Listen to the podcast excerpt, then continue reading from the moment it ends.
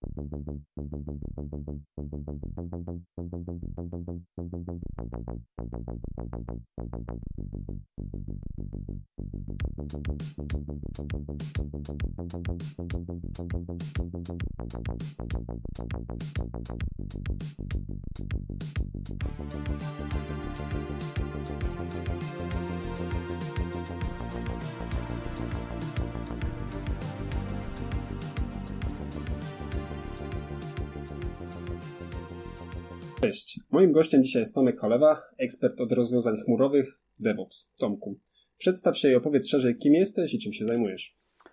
E, cześć, no tak, nazywam się Tomek Kolewa. E, jestem, jak mówiłeś, ekspertem e, chmurowym, tak? Ja bardziej się postrzegam również jako kogoś, kto, kto tworzy nowoczesne środowiska, wykorzystując między innymi chmurę, ale też kontenery, które są ostatnio moim konikiem w szczególności e, Kubernetes. E, I zajmuję się właśnie na co dzień, na co dzień e, tworzę takie środowiska dla, dla organizacji, szczególnie dużych organizacji, które posiadają złożone systemy, czyli wiele aplikacji od wielu dostawców. Często są to aplikacje nowe, ale łączą się ze starymi monolitami jakimiś.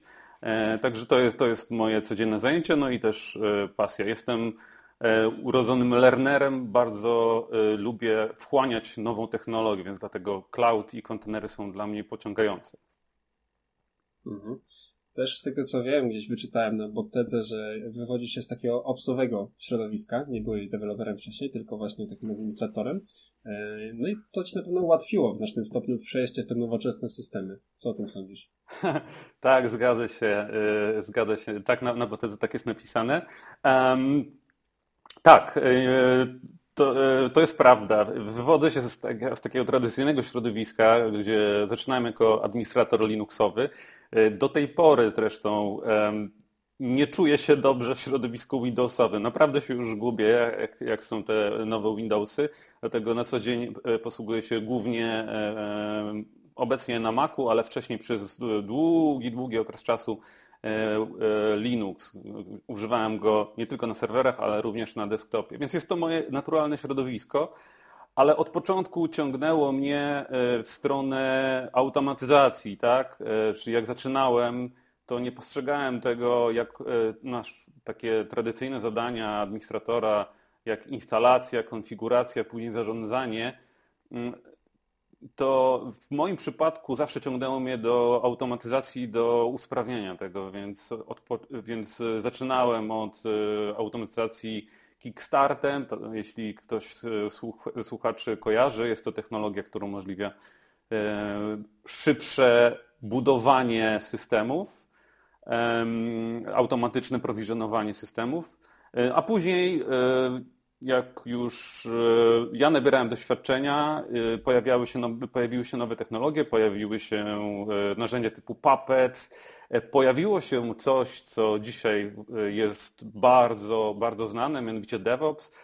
Pojawiły się też bardziej powszechnie dostępne chmury publiczne i jakiś czas temu pojawiły się kontenery, które, tak jak wspomniałem, według mnie zmieniają całkowicie obraz, y, y, obraz, krajobraz tak naprawdę y, nowoczesnego środowiska IT.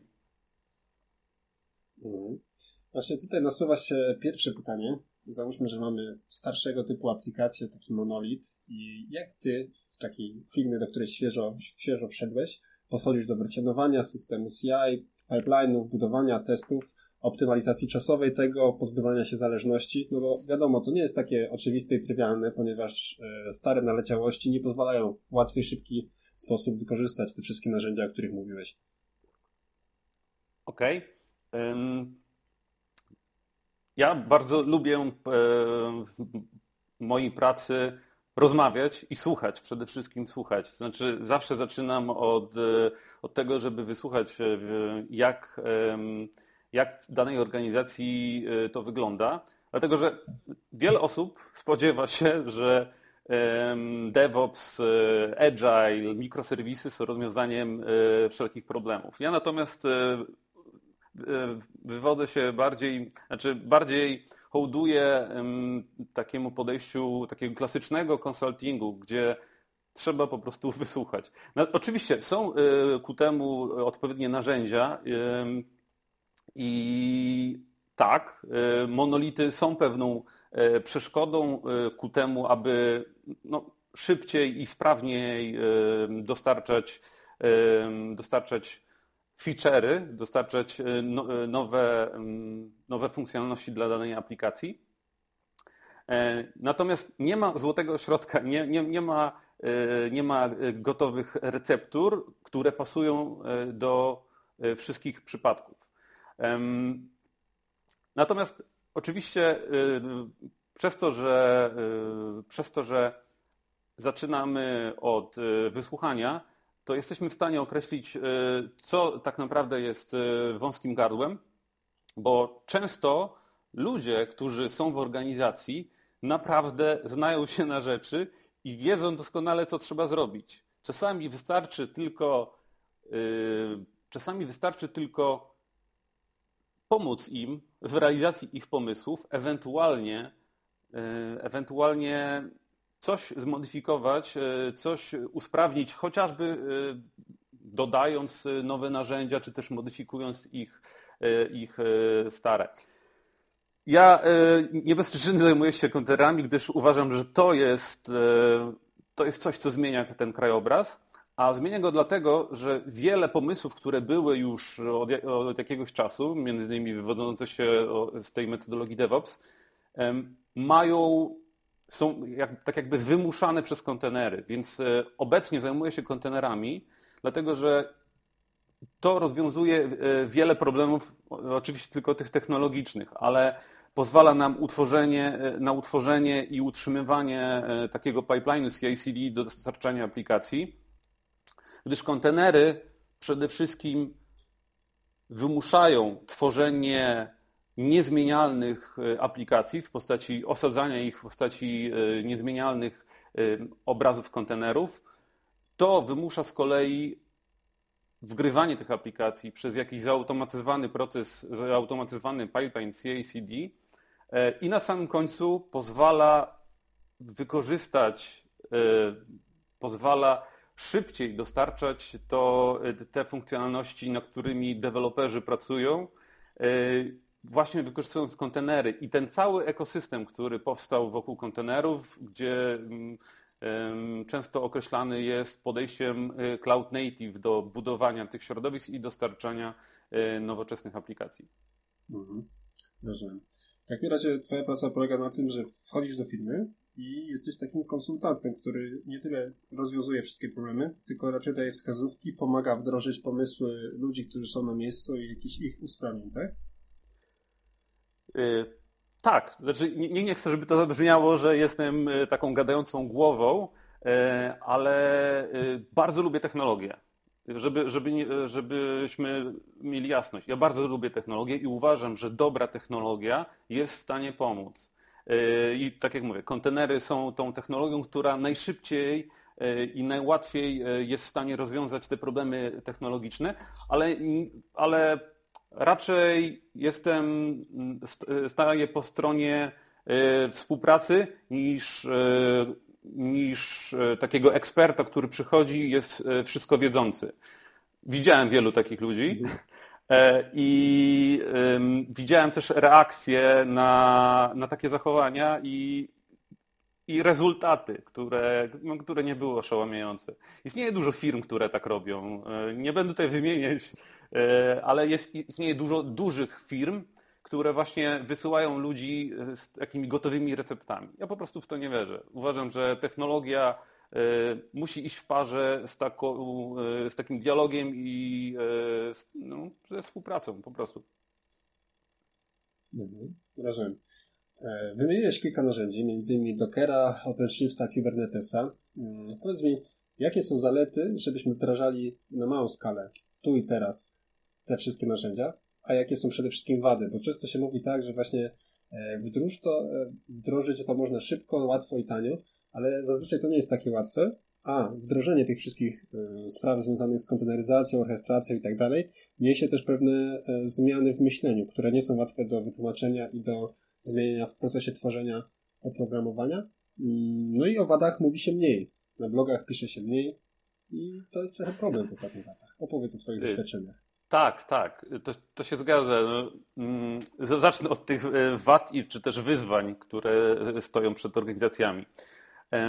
Tak jak wspomniałem, konteneryzacja, to podejście cloud native zmienia e, czy też wymusza pewne zmiany. E, no i my jesteśmy jako ludzie, jesteśmy dość takimi zawziętymi istotami i E, lubimy tkwić, e, tkwić e, no, w stanie, który nam odpowiada. Tak? Jedni to nazywają strefą komfortu. Więc nie lubimy drastycznych zmian, a nie oszukujmy się, podejście cloud native i kontenery są tą drastyczną jednak zmianą. Jeśli ktoś do tej pory pracował nad monolitem, był jasny podział, że dobra, to deweloperzy dewelopują, obsi y, pomagają to wdrażać, czy też utrzymują, są te silosy, tutaj ktoś używa Ansible'a, ale jedni nie rozmawiają z drugimi, bo jest jasny, jasne mm, podziały, jeśli chodzi o odpowiedzialność, to tutaj te zmiany, które są potrzebne do, takiego, do tego podejścia Cloud Native, bywają dużym wyzwaniem.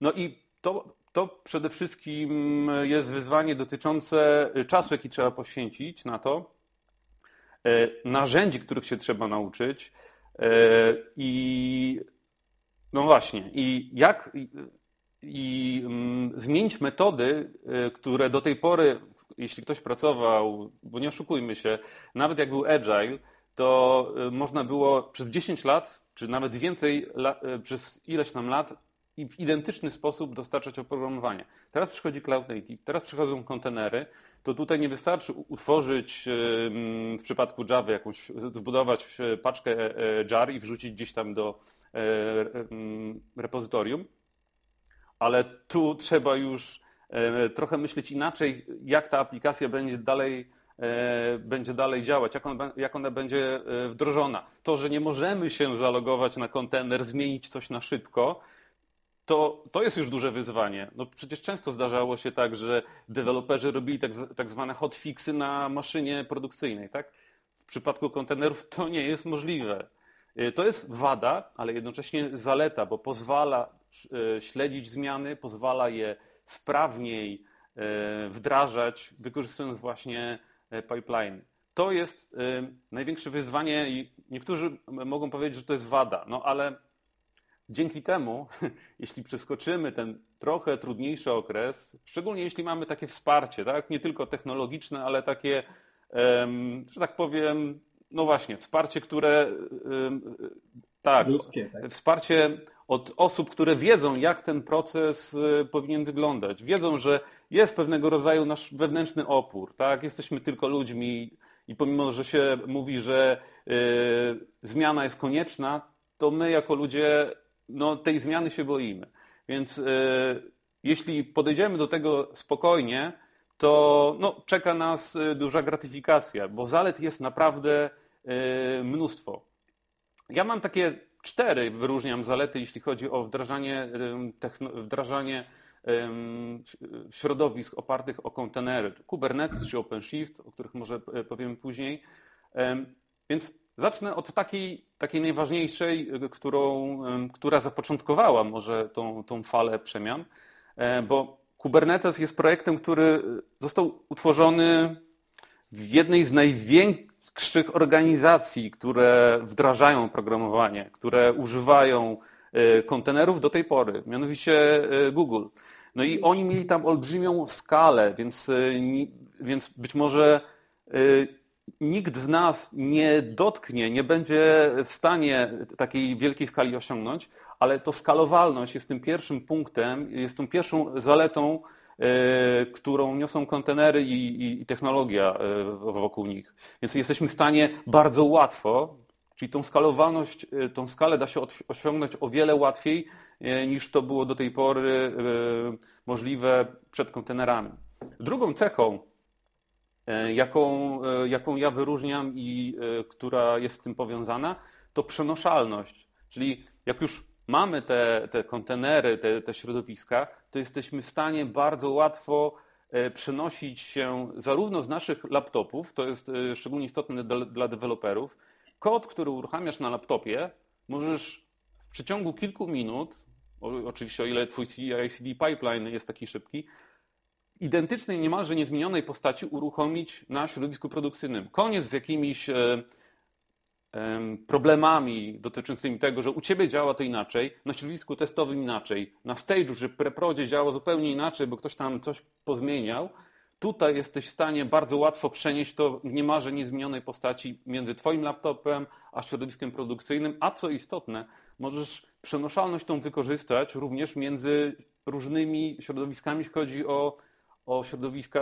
które pod spodem to obsługują, bo Kubernetes czy OpenShift umożliwia uruchamianie Twoich aplikacji czy na Twoim data center, których e, szczególnie w Polsce jest całkiem dużo, czy też w cloudzie. Mamy Kubernetes dostępny jako e, usługę u największych, mm, u największych dostawców chmury publicznej, więc jesteś w stanie swoją aplikację bardzo łatwo przynosić między tymi dostawcami chmury, jak i twoją, e, twoją serwerownią, na której, e, na której działa Kubernetes. To jest drugi. A teraz trzeci, może dla niektórych zaskakujący, mianowicie bezpieczeństwo. Dużo się mówi, nawet ostatnio e, widziałem ankietę przeprowadzoną na konferencji KubeCon, że największym wyzwaniem, jednym z największych wyzwań jest bezpieczeństwo tych kontenerów, tych środowisk opartych o kontenery. Ale no właśnie, według mnie to bzdura, bo kontenery e, zwiększają wbrew pozorom bezpieczeństwo. One umożliwiają mniej aplikacjom, które y, są skonteneryzowane w taki sposób. Mniej, ja rozumiem poprzez to, że jeśli uruchomisz aplikację na maszynie wirtualnej, to rzadko kiedy ona będzie tak zabezpieczona, nawet jak domyślny kontener, który już sam w sobie E, jest ograniczony, jeśli chodzi o wywołanie syskoli, to jest już tak niskopoziomowo.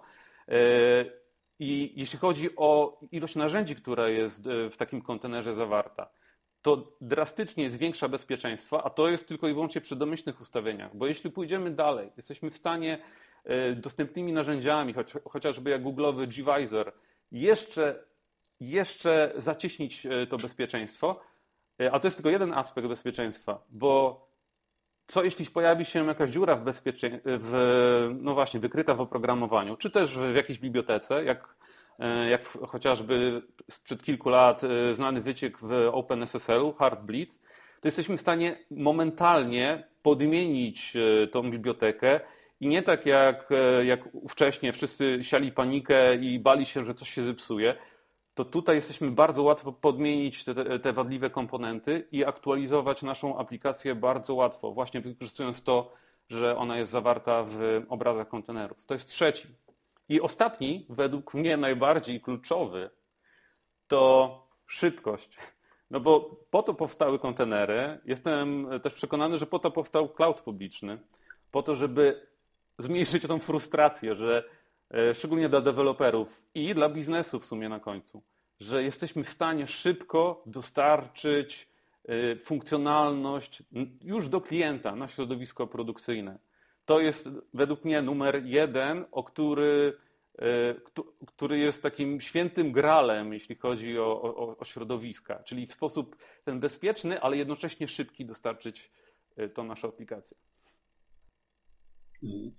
Bardzo łatwo się z tobą rozmawia, w zasadzie nie zadałem pytania, a całą, całą historię powiedziałeś. Ale, ale to dobrze, to bardzo dobrze. E, chciałem zapytać teraz właśnie o ten proces migracji między takim klasycznym podejściem z pipelinem na jakimś Jenkinsie, z wykorzystaniem Gita i powiedzmy jakiegoś e, Dockera do chmury publicznej, czyli w Twoim przypadku chyba AWS-a głównie, bo tym się specjalizujesz.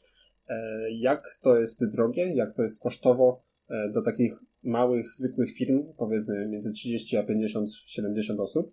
E, I czy potrzebny jest specjalista do czegoś takiego, czy deweloperzy test, testerzy czy, czy właśnie admini tamtejsi są w stanie samemu się tego szybko i łatwo nauczyć. Bo założenie chmury to jest też uproszczenie tych wszystkich procesów, oddelegowanie odpowiedzialności za pewne rzeczy, jak na przykład właśnie security, do ekspertów z Microsoftu, czy z Amazona, czy z Google'a, prawda? Tak, tak, y, to się zgadza. E, I mam tutaj taką pewną tezę, która nie spodoba się może e, części e, słuchaczy, szczególnie tych, którzy, którzy są klasycznymi obsami, tak jak ja, ja kiedyś byłem. Mianowicie świat obecnie, obecny świat IT jest tworzony dla deweloperów, nie dla obsów. Więc e, tutaj wspomniałeś o tym, że czy, czy wystarczy, żeby e, jakiś administrator, czy też ops e, w organizacji wspomógł ten proces. Uważam, że tak, ale uwaga, większość narzędzi, między innymi w chmurze, jest zrobiona w taki sposób, aby w zasadzie była wykorzystywana bezpośrednio przez, przez deweloperów. Przy czym to dotyczy małej skali. I teraz wspomniałeś organizacje kilkudziesięcioosobowe, 30, 50, tak? Do 100 mniej więcej. Ja bym to nazwał, że to są takie mhm. może mniejsze lub większe startupy. I, i tak, faktycznie chmura publiczna dla tych organizacji jest takim wybawieniem. Dlatego, że oferując wiele rzeczy jako usługi, zwalnia ich z konieczności myślenia o wielu rzeczach, o security między innymi, do pewnego momentu oczywiście, w zamian za dość niewielki koszt. Naprawdę dość niewielki koszt. E, natomiast e, oczywiście są pewne ograniczenia i, mm, i jeśli migrujemy się, to na początku możemy się zachłysnąć wręcz tym podejściem, jakie oferuje chmura. Szczególnie jeśli migrujemy się z maszyn wirtualnych, z jakichś naszych serwerów, odczujemy na pewno to kosztowo, tak? E, będziemy płacić tylko za tyle, ile używamy. Przy czym musimy być świadomi tego, że chmura, e, no i tutaj jest, że tak powiem, pole do popisu e, dla administratorów, że chmura to jest trochę inne podejście niż nasza klasyczna taka infrastruktura. No i teraz możemy pójść w to, co nam oferuje dostawca chmurowy. On nam będzie dodawał kolejne usługi, które nam tylko usprawniają, ale jeśli nie będziemy świadomi tego, a nie oszukujmy się, e, często jest tak, że deweloperzy chcąc pokazać swoją aplikację, właśnie chcąc uzyskać tą jak największą szybkość, będą szli na skróty. I to jest to takie niebezpieczeństwo, że bez osób, które są świadome zagrożeń, albo są też e, świadome tego, jak taką chmurę obsługiwać, między innymi jeśli chodzi o koszty, bo jeśli są świadome tego, jak zrobić to e, sprawniej, jak e, zrobić, aby na samym końcu nie płacić e, sporo, to jesteśmy skazani na to, co oferuje nam dostawca chmurowy. Więc na małą skalę to będzie ok.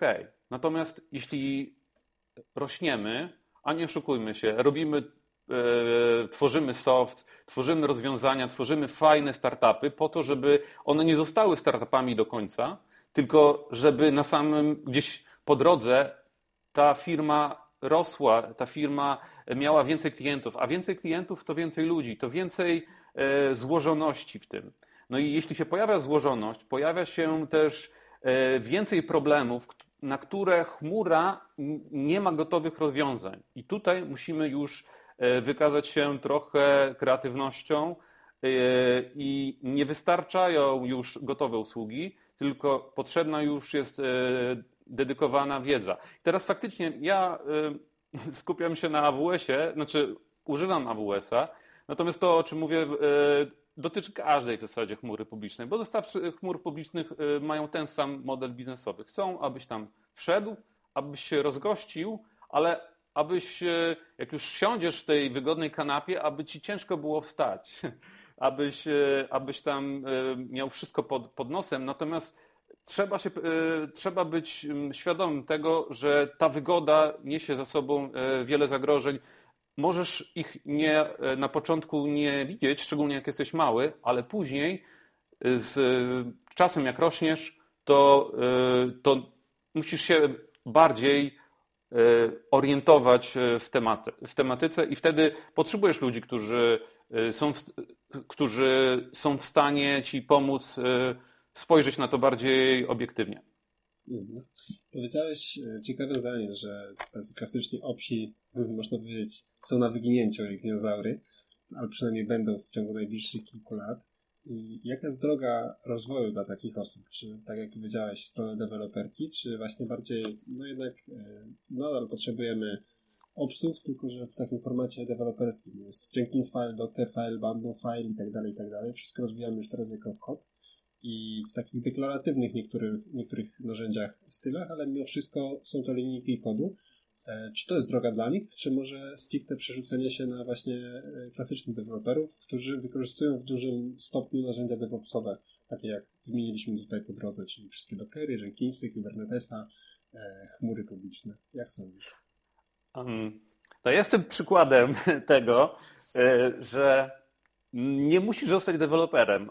Osobiście uważam się za kiepskiego dewelopera. Oczywiście e, potrafię napisać, e, potrafię pisać w Pythonie, e, uczę się obecnie Go. Czuję się swobodnie w Bashu, ale to jest dlatego, że to jest moje naturalne środowisko. Przy czym to nie jest język oprogramowania. No i uważam, że każdy może odnaleźć ścieżkę swoją, czy też przejść w deweloperkę, czy też, czy też zostać po stronie, no właśnie, jakiej stronie? No niektórzy nazywają to DevOps. Ja natomiast uważam, i sam jestem przykładem tego, że są ludzie, którzy, tak jak deweloperzy, potrafią ślęczeć nad kodem, e, potrafią dostarczać fajny kawałek softu, tworzyć e, bounded konteksty, e, tworzyć mikroserwisy i tak dalej, ale są też ludzie, między innymi tacy jak ja, którzy pomagają, aby te fajne aplikacje, ja to lubię porównywać często do, do samochodów, tak? Jeśli zbudujesz w warsztacie fajny samochód, chcesz nim pojeździć, musisz mieć na czym jeździć. Musisz mieć dobrą drogę, musisz mieć e, dobre oznakowania na tej drodze. I teraz, jeśli nie masz dobrej drogi, to nawet najfajniejsze Ferrari będzie jeździć bardzo wolno. A poza tym, nawet jak, jeśli wyjedziesz z garażu swoim, e, swoim, swoją wypasioną furą, to, e, to prędzej czy później złapiesz gumę, wybijesz amortyzator i tak dalej. Więc są ludzie, którzy tworzą takie środowiska i opiekują się tym, aby aby te aplikacje działały jak najszybciej, jak najsprawniej, aby były bezpieczne. E, I tak, uważam, że klasyczni opsi e, nie mają e, szansy na, na taki rozwój, jaki oferuje teraz środowisko IT. Oczywiście klasyczni opsi, i znam takich wielu, są doskonali, jeśli chodzi o, o niskopoziomowe rzeczy, chociażby jak kernel Linuxa, jak tuning e, parametrów i tak dalej. Natomiast to zostało już w dużej mierze sproduktyzowane. Dlatego powstały chmury publiczne, że żeby tą wiedzę sproduktyzować. Niestety idziemy w tym kierunku. Niestety, czy, czy też stety dla deweloperów, e, że taka wiedza jest dostępna w postaci usług, tak? gdzie możemy po API wywołać E, już pod, e, po API wywołać, czy też poprosić o, o, e, poprosić o nowy serwer, czy też grupę serwerów. Nie musimy prosić OPSA, jak to było jeszcze kilka lat temu. No i ta wiedza została, tak jak wspomniałem, sproduktyzowana. I teraz wyzwaniem dla OPSów jest to, aby nadal pomagać, nadal być po tej stronie, która buduje, która chroni jednak, bo tak jak wspomniałem, deweloperzy lubią szybkość, a opsi lubią stabilność. teraz połączenie tych dwóch światów jest możliwe, e, tylko trochę innymi narzędziami. Oczywiście e, te narzędzia są związane z pewnym programowaniem, ale to nie jest ślęczenie nad e, setką tysięcy kod, setkami tysięcy kodu. Są to bardziej ja to nazywam, e, że obecnie należy się stać programistą YAMLa bardziej, czyli e, pisanie deklaratywnych rzeczy jak Ansible chociażby oraz nawet manifesty kubernetesowe, tam jest wszystko pisane w YAML-u. To nie jest nic szczególnie trudnego, ale jest to inny sposób. To jest inny sposób pomocy. To jest dostarczanie metod zautomatyzowanych, to jest e, opieka nad tym pipelinem, to jest opieka również nad systemami tymi, które są e, w cloudzie. Więc e, to, to jest ta inna droga, to nie jest ślęczenie przed konsolą. Na pewno te czasy się skończyły. Mhm. No to jest taka też metaforyczna przesiadka obsów do zespołów produkcyjnych i wchłonięcie ich. Tak samo kiedyś było z testerami, którzy najpierw byli niezależnymi komórkami, które po prostu takie smoke testy przeprowadzały na już gotowych rozwiązaniach dostarczonych nie wiadomo gdzie, w jakimś innym miejscu w budynku. Teraz testerzy siedzą bezpośrednio przy swoich produktach, też są zazwyczaj programistami już teraz, ponieważ bardzo wielu z nich automatyzuje swoje testy e, pod różnymi kątami. I analogiczna sytuacja jest właśnie teraz z obsami, którzy przesiedli się niejako do zespołów w znacznym stopniu, oczywiście nie wszyscy. E, no i tak naprawdę pracują razem w jednym zespole, tak jak w Scrumie wszyscy jesteśmy deweloperami, no to tam tak jest, tylko że każdy jest deweloperem od czegoś innego. Tak, tak, zgadza się. No i tutaj ten e, słynne podejście e, do zespołu, który jest w stanie, e, który naje się dwoma, dwoma pizzami, tak, z, z Amazona. E, zgadza się. E, te silosy są y, nieszczęśliwe, y, powstały one w dawnych latach, gdzie, y, gdzie ci, którzy się zajmowali inżynierią, przenieśli to, to, co wiedzieli przy budowie budynków, przenieśli to do budowania aplikacji. Przy czym ktoś się w końcu zorientował i to za, zapoczątkowało ten ruch agile'owy, że tworzenie oprogramowania to, to nie jest to samo, co budowanie budynku. Budynek możesz zrobić raz, raczej. E, jeśli będzie wada konstrukcyjna, no to najlepiej jakby wyszło jak, naj, jak najwcześniej.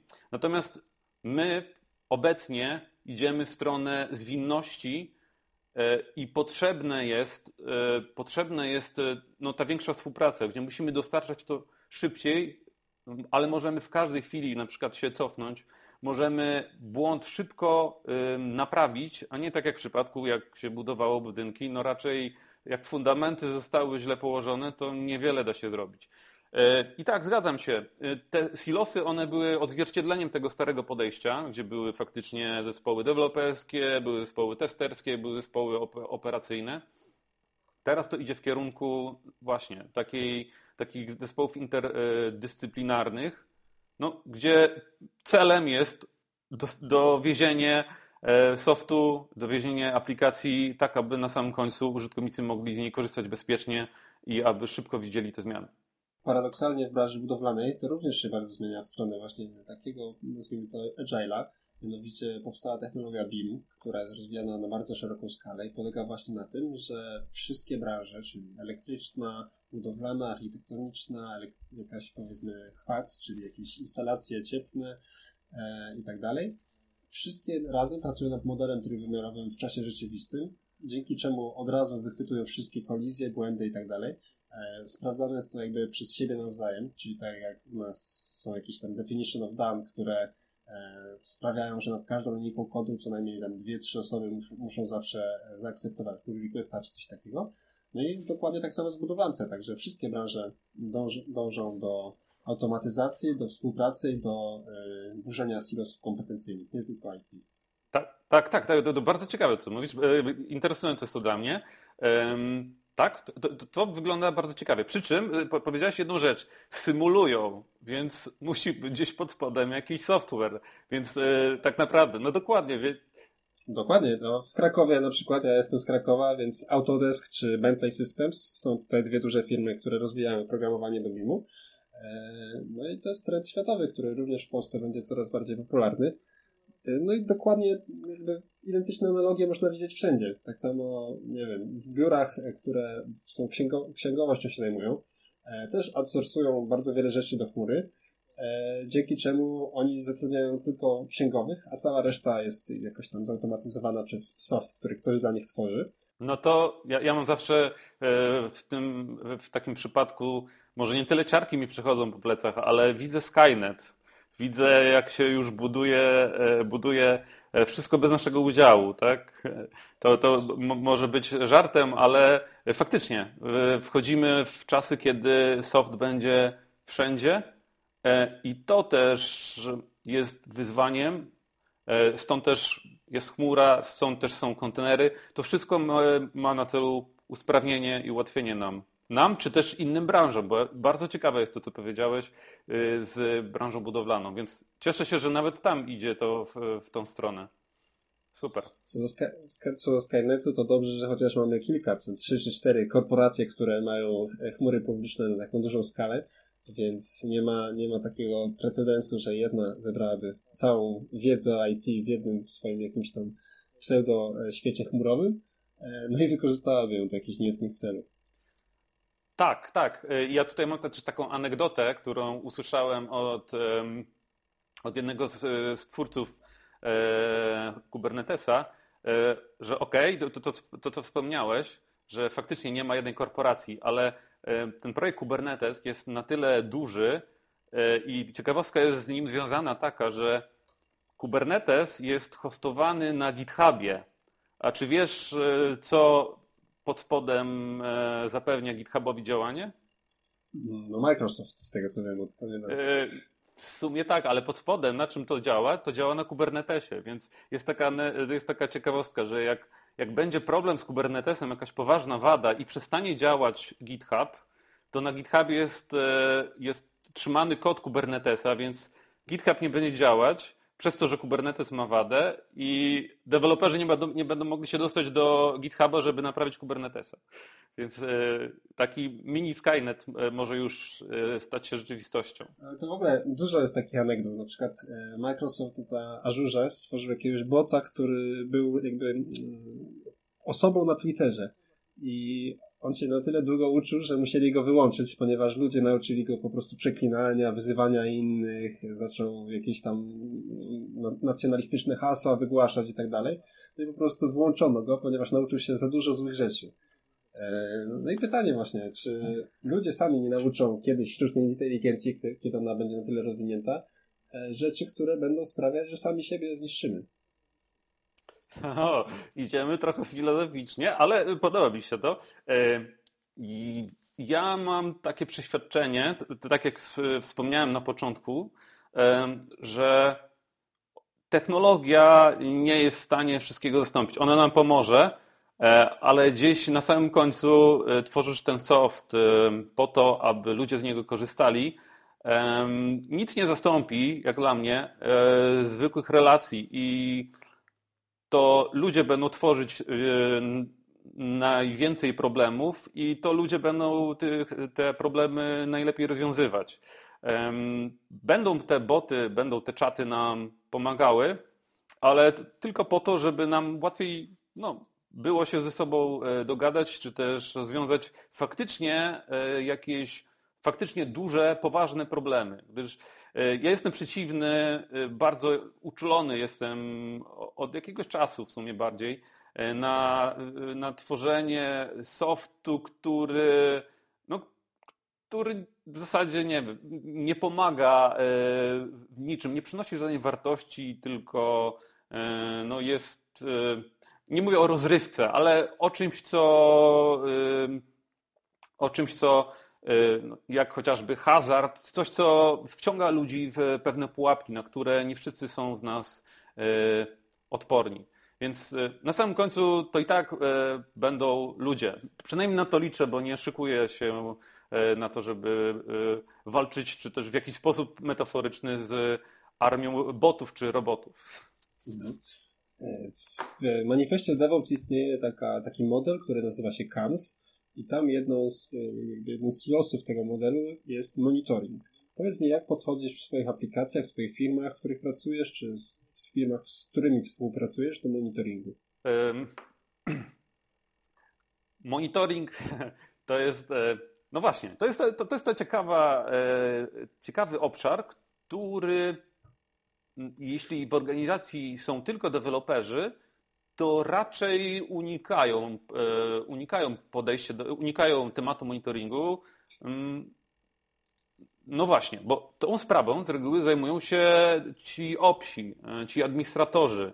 No i jeśli nie mamy administratorów, no to ten monitoring jest po macoszemu. My, ludzie, którzy opiekują się środowiskami, nieważnie, nieważne jak się nazywają, opci, devopci, e, czy, czy też SRI czasami, e, to oni są świadomi, że ten monitoring jest krytyczny. Musimy wiedzieć, jak, jak się zachowuje nasze środowisko, jak się zachowuje nasza aplikacja. I teraz, jak ja podchodzę, no podchodzę dwojako. Mianowicie na pewno nie możesz jako osoba, która, czy też jako organizacja, e, która wdraża, która posiada e, oprogramowanie, czy też aplikację, e, nie możesz ominąć tego kawałka również od tej strony najniższej, czyli od strony te, tego środowiska, na którym to jest uruchomione. Bo deweloperzy nie są świadomi, że pod spodem, nawet na chmurze, jest jakiś system operacyjny, e, pod spodem są jakieś load balancery, e, dzieją się tam różne rzeczy, e, są certyfikaty SSL, one wygasają, są parametry do, do, do terminowania połączeń SSL-owych. Te rzeczy są na takiej warstwie, którą deweloperzy raczej niechętnie dotykają. No i słusznie, bo, bo oni są czego innego. Więc y, zaczynam zawsze od tej podstawowej warstwy, która istniała nawet przed kontenerami i chmurą publiczną, ale tą pierwszą warstwę również y, trzeba monitorować. No i tutaj ja swego czasu bardzo mocno wszedłem w oprogramowanie, które się nazywa Zabix. Nadal uważam, że jest ono świetne. Oczywiście są inne, Natomiast e, jest to pewnego rodzaju klasa oprogramowania, więc ja używam, e, używałem bardziej e, Zabixa, ale obok Zabixa są te, te klasyczne, ten klasyczny monitoring jak Nagios i musimy zacząć od tej warstwy. I teraz to jest rola dla takich, dla ludzi, którzy opiekują się środowiskiem i to musimy mieć. I teraz e, jak już to mamy, jak już mamy to ogarnięte od strony metryk, e, od strony e, alertów, jeśli chodzi o dostępność środowiska, o, o ataki, o systemy, które monitorują właśnie niebezpieczne jakieś zdarzenia, to możemy dopiero przejść do, do, tej, do tej warstwy mm, do tej warstwy badania czy też zbierania metryk z aplikacji. No i tutaj e, ewidentnie wyłonił się nam, wyłonił się nam faworyt, e, jakim jest system Prometeusz. E, I to jest kierunek, który jest modny, czy też zgodny z podejściem Cloud Native, więc Prometeusz w połączeniu z Grafaną tworzy nam obecnie ten preferowany stack, jeśli chodzi o monitorowanie, o, o metryki, które, które badają nam stan aplikacji. Oczywiście Prometeusza, a znam wielu, którzy Prometeusza również używają do tej pierwszej warstwy i to jest jak najbardziej e, możliwe. E, przy czym nie wchodziłbym, e, nie robiłbym rewolucji. Jeśli ktoś ma dobrze ogarnięte to, tą pierwszą warstwę, to może zostać w tym, co jest. E, natomiast jeśli tworzy od nowa środowisko, to jak najbardziej Prometeusz jest e, czymś, co spina e, nam te, te, te warstwy, tą dolną i, i tą aplikacyjną. No właśnie, Prometeusz to, to, jest ten, to jest to rozwiązanie. Oczywiście ja tutaj mówię bardziej w takim szerszym kontekście uniwersalnego, uniwersalnego środowiska, które stawiasz niezależnie od tego, czy jesteś na w swoim data center, czy też w cloudzie. Dlatego, że w cloudzie no, dostawcy cloudu mają, y, mają własne rozwiązania, które świetnie się spinają y, z innymi ich usługami. No i tu w zależności od tego, gdzie jesteś, również możesz y, użyć tamtych rozwiązań. Natomiast ja bym się skupił bardziej na tym, co możesz, co jest bardziej uniwersalne. No i tutaj Prometeusz. Zdecydowanie Prometeusz z grafaną. Mhm. Teraz takie pytanie troszkę z innej grupy.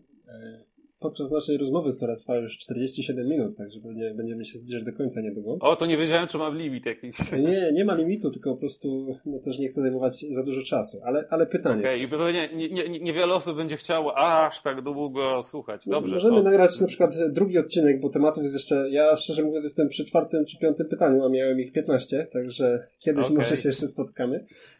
Jasne. Pytanie jest takie. Wymieniliśmy OpenShifta, Kubernetesa, Dockera, Jenkinsa, AWS-a, Azura, Google Cloud, OpenShifta i tak dalej, i tak dalej. E, powiedz mi, jak to wszystko ogarnąć? Teraz jeszcze Grafane czy Prometeusza. Wyobraźmy sobie, że jesteśmy studentami.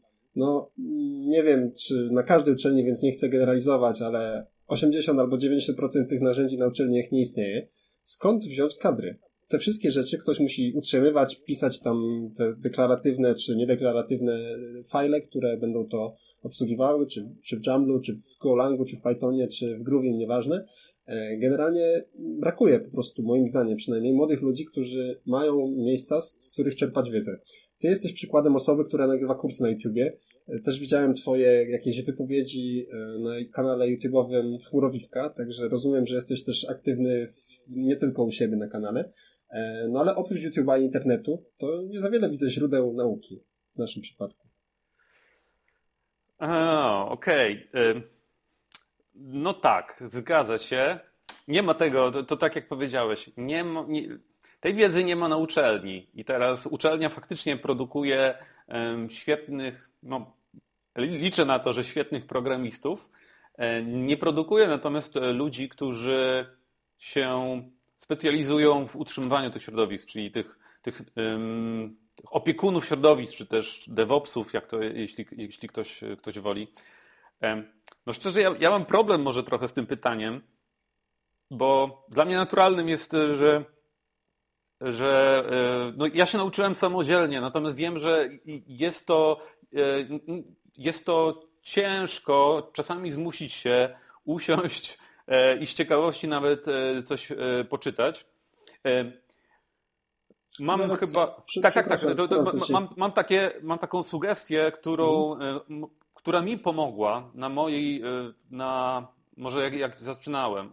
Otóż wiele osób krzywi się na słowo certyfikaty, natomiast ja mi pomogły certyfikaty zmotywować się do tego, aby się czegoś nowego nauczyć. Ja tak zaczynałem e, głównie e, z certyfikatami Red Hata i e, bo jeśli nie masz celu, to to jest takie nasze też wewnętrzne, wewnętrzna ludzka potrzeba, że posiadania jakiegoś celu. Jeśli nie masz celu w tym, co robisz, no to ciężko ci się będzie zmusić. I teraz jednym z tych celów, jakie można sobie postawić, to jest właśnie zdobycie jakiegoś certyfikatu. I teraz istnieje, istnieje wiele fajnych certyfikatów, które Mm, systematyzują Ci wiedzę, pozwalają, po pierwsze, do certyfikatów często są jakieś szkolenia i pozwalają Ci e, tą wiedzę usystematyzować e, i no właśnie, i ucząc się do certyfikatu, masz cel osiągnięcia certyfikatu, po drodze masz e, czy też kursy, czy też możesz samodzielnie, jeśli zechcesz, ale masz już postawiony cel, masz postawiony zakres, którego się, którego się powinieneś nauczyć. To jest, to jest jedna taka, moim zdaniem, dość e, ciekawa droga. Przy czym no nie, istnieje, nie istnieją certyfikaty do e, Prometeusza na pewno. E, przy czym no, będę tutaj może banalny, ale jeśli zaczniesz już taką przygodę, to potrzeba jest matką, że tak powiem, również te, tego, tego zagadnienia.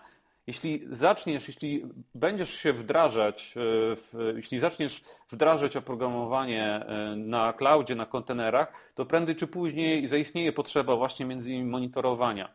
I teraz możesz oczywiście iść tą ścieżką samodzielnej nauki, bo teraz jesteśmy w czasach, w których, no właśnie, jedyną przeszkodą jest Twoje wewnętrzne niechcieństwo twoje wewnętrzne niechcieństwo, bo kursów, no właśnie, ja utworzyłem ten kurs Kubernetes po polsku właśnie dlatego, że po pierwsze nie było czegoś po polsku o Kubernetes, po drugie chciałem, żeby to, to troszeczkę było lepiej usystematyzowane. No i teraz takich kursów, może po polsku nie ma dużo, liczę, że się pojawią, że się pojawi więcej, ale takich kursów za darmo, czy też za, naprawdę za niewielką opłatą jest dużo. Przy czym ta ścieżka jest też, no, wymaga jednak postawienia sobie celu i takiego zawzięcia się, że ok, będę po 15 minut, tak jak ja staram się do, mojego, do mojej nauki z Go podchodzić, po 15 minut dziennie coś tam obejrzę, coś tam popróbuję, a takim ostatnim, takim najbardziej klasycznym podejściem, jak się tego nauczyć, to oczywiście od innych, e, na klasycznych kursach, gdzie idziesz i jesteś zamknięty w sali. Różnica jest taka, że ty się nie musisz zmuszać 15 minut dziennie, tylko jesteś w sali zamknięty. Jest grupa ludzi, którzy mają ten wspólny cel, poznać e, daną technologię, porobić razem przykłady, a poza tym masz na sali kogoś, E, kto jest w stanie ci udzielić wskazówek, e, powiedzieć ci, e, no właśnie, skrócić ci tą twoją ścieżkę, którą, którą być może w twoim wypadku byłaby dłuższa. Więc tak to ogólnie widzę. Czy nie dostrzegasz na razie takiego braku, powiedzmy, świeżej krwi na rynku? Oj, oj, dostrzegam. Oj, oczywiście, że dostrzegam.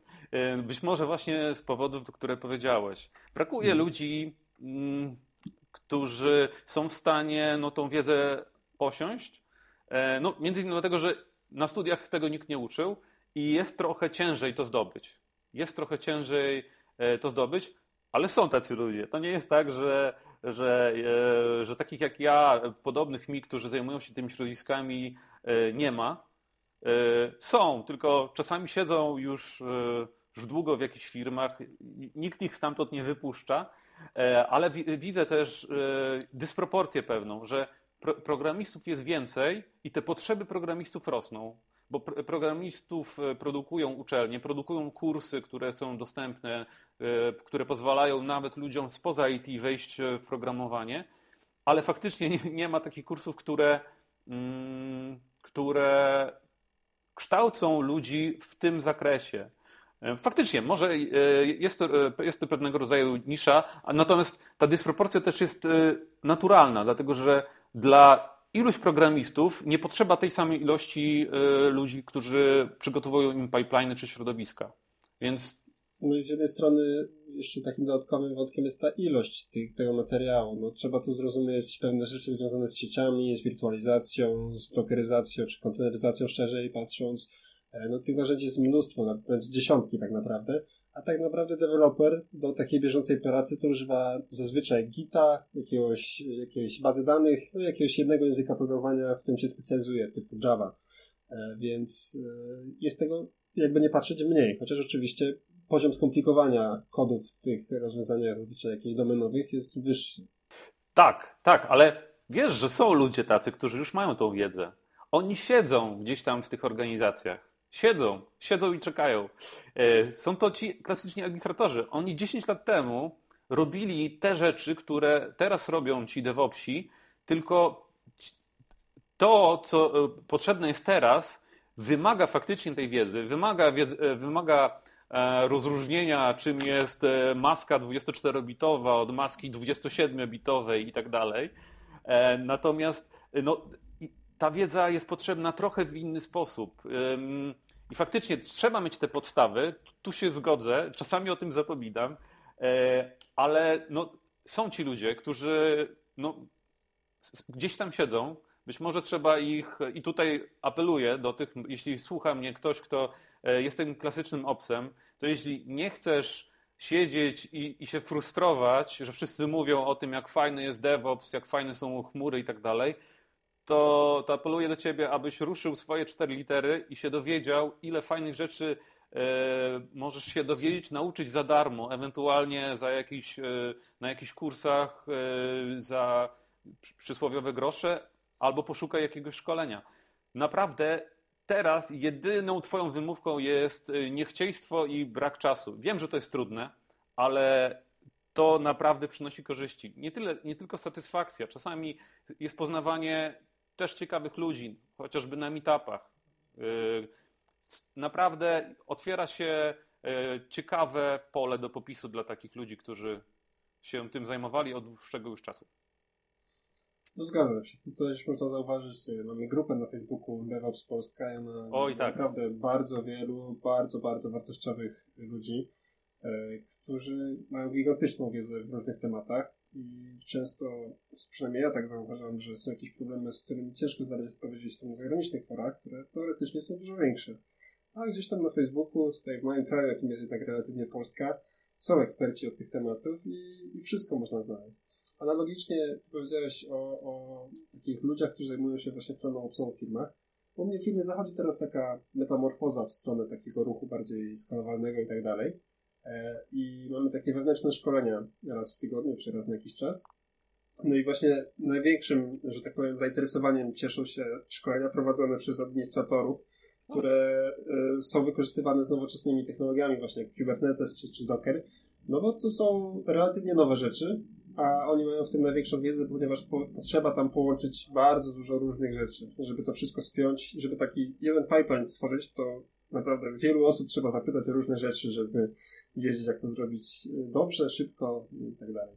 Yy, tak, zgadza się. Znaczy, ja okazjonalnie też prowadzę szkolenia i yy, o, to, to jest trochę ten smutne dla mnie, że w większości prowadzę właśnie szkolenia, tak jak mówisz, dla deweloperów. Oni są jacyś bardziej ciekawi, przy czym też widzę, że ich celem, co mnie smuci, i jeszcze raz apeluję dla tych, którzy mnie słuchają i są po tej stronie obsowej, że co mnie smuci, to fakt, że oni się chcą tego nauczyć, żeby już nie rozmawiać z tymi administratorami, z tymi obsami. No nie wiem, czy to jest e, najlepsza droga, e, ale faktycznie wiedza e, ta jest potrzebna, e, ale mam wątpliwości co do tego, e, czy administrator, czy deweloperzy są w stanie przejąć e, w całości obowiązki. Bo tak jak, tak jak wspomniałeś, oni będą używać Gita, Java i tak dalej. Część z nich może powędrować w tą stronę, ale nie oszukujmy się, nie możesz być wszystkim. Jeśli robisz, jeśli jesteś od wszystkiego, jesteś od niczego. Więc musisz znaleźć swoje, swoje miejsce swoje miejsce mhm. i, i, i zajmować się swoją rzeczą, dlatego że krajobraz, ten tyle technologii jest wokół, że nie jesteś w stanie tego ogarnąć. Ja na przykład zająłem się teraz większością konteneryzacją, dlatego że chmura publiczna jest też takim olbrzymim e, pojęciem, tam ML, AI i tak dalej. Kontenery już są olbrzymim, ale uważam, że specjalizacja to jest słowo klucz i musimy iść w stronę specjalizacji, musimy znać dobrze swoją E, działka. Mhm. To bardzo ciekawe, co mówisz, bo też e, właśnie teraz niektórzy mają takie bardziej szerokie e, horyzonty tych tematach i wolą się właśnie płytko specjalizować troszkę we wszystkim, niż głęboko w jakiejś jednej konkretnej rzeczy. Ale to też dużo zależy od specyfiki branży. Na przykład w dużej korporacji no taka osoba jak ty jest wręcz niezbędna, ponieważ potrzebny jest ekspert, który zna się od A do Z na przeprowadzeniu takiej migracji na przykład na kontenery całego pipeline'u zbudowanego z wielu różnych komponentów, rozwijanego od 15 lat przez kilkaset czy kilkadziesiąt osób. E, no i osoba, która jest od wszystkiego, nie, nie da sobie rady z takim zadaniem. Ale na przykład w malutkim startupie, w którym jest was dziewięciu czy coś takiego, no to trzeba liznąć wszystkiego, no bo nie ma fizycznie budżetu na zatrudnienie kolejnych osób, a dostarczyć produkt trzeba, więc trzeba też liznąć troszkę, tak wtedy, nie wiem, baz danych, trochę programowania, trochę tych DevOpsowych narzędzi, trochę wirtualizacji, trochę zająć się też kupnem nowego komputera nawet czasem. Także e, to wszystko zależy od skali tak naprawdę. Tak, zgadzam się. I tutaj, e, tutaj e, przychodzi mi na myśl takie pojęcie z angielskiego to jest T-shaped skills, czyli takie mm, właśnie, tak, tak, właściwie takie umiejętności. Krótka wiedza na temat wszystkiego i głęboka na temat jednej Dokładnie tak, więc kiedyś, ja też tak zaczynałem. Ja trochę chciałem tego, trochę tego, trochę tego, ale później może z wiekiem, może z doświadczeniem przychodzi czas, w którym wiesz, że o, ten kawałek jest fajny i tutaj trzeba byłoby się zagłębić.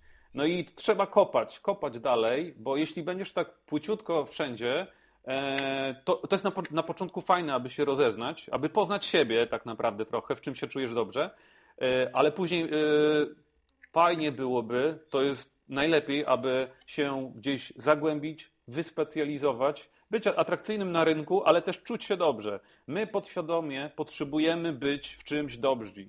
I teraz nie możesz być dobrym we wszystkich, a jeśli będziesz tak trochę dobry tutaj, trochę dobry tutaj, to na dłuższą metę to się nie spisze. I to, co mówiłeś, faktycznie y, są, branże, są firmy, które wystarcza im taki poziom specjalizacji, taki płytki, natomiast jeśli te firmy się rozrosną, to później potrzebna będzie specjalizacja. Później będą nawet, i tak Amazon robi, że są zespoły, które się specjalizują bardzo wąską, i to nie, nie osoby, tylko zespoły, bardzo wąską częścią ich e, olbrzymiej e, chmury.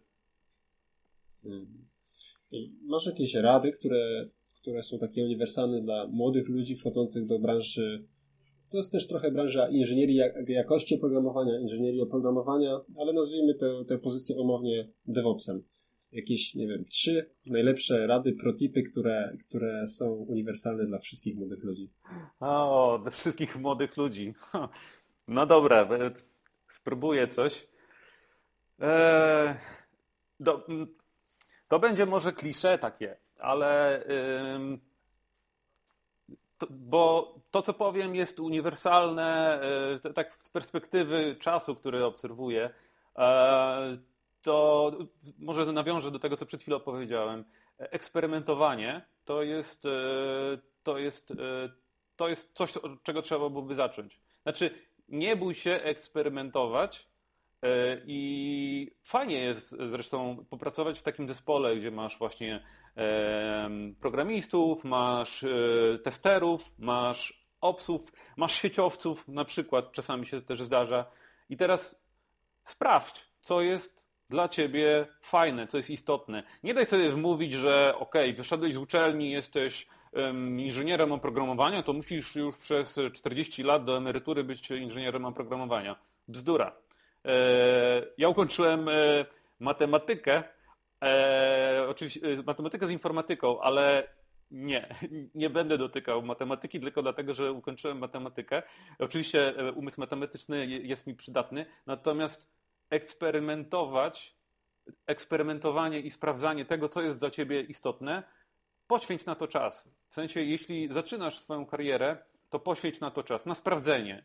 Więc e, to, to, to, jest, e, to jest z pewnością to. Druga rzecz z tym związana, nie bój się popełniać błędów. To znaczy, że nawet jeśli na początku stwierdziłeś, że jesteś, e, że chcesz być e, programistą i ci nie wychodzi, albo no, nie czujesz, to przyznaj się, że czy też e, pozwól sobie na popełnianie błędów również w takim zakresie i, i próbuj, e, próbuj, próbuj dalej. W sensie my w Polsce ogólnie mamy problem z e, przyznawaniem się do porażek. To wynika z naszej e, kultury, no, z tego jak wyglądała historia u nas, ale no, to jest naj, naj, coś, co powi, powinieneś, nad czym powinieneś pracować. Nad, nad popełnianiem błędów, nad tym, aby uznać, że coś było porażką, ale tak naprawdę ono porażką zostanie, jeśli nie wyciągniesz z tego błędów. Jeśli, wyciągniesz, e, e, jeśli nie wyciągniesz z tego wniosku, przepraszam. Jeśli wyciągniesz wnioski, to jest to kolejna lekcja i takich lekcji, uwierz mi, będzie, będzie e, bardzo dużo. No i może takim trzecim też, też, też elementem to jest znajdź dobrą firmę, znajdź dobrych, e, do, dobrych ludzi, od których możesz się uczyć.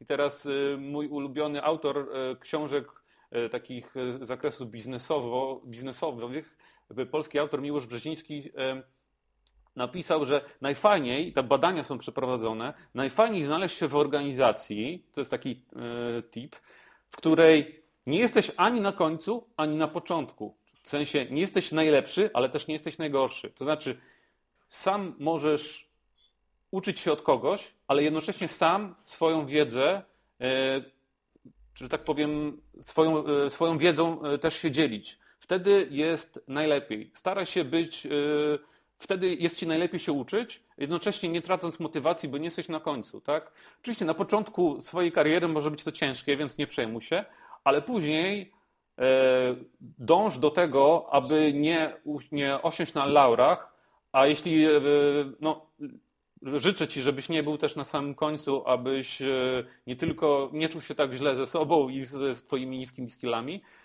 to jeśli jest na początku, wytrwałą pracą jesteś w stanie dojść, podnieść swoje skille, aby, aby być w tym optymalnej pozycji. Wydaje mi się, że, że to są takie uniwersalne rzeczy, które mogą pomóc.